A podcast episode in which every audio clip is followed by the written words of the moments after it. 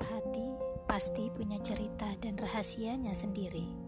Semua peristiwa adalah suka sekaligus luka yang nanti akan kita namai kenangan. Tak perlu berduka, ini adalah rumah ibadah kisah yang kubangun untuk kita bersama beribadah di dalamnya. Masuk, menetap, dan beribadahlah denganku.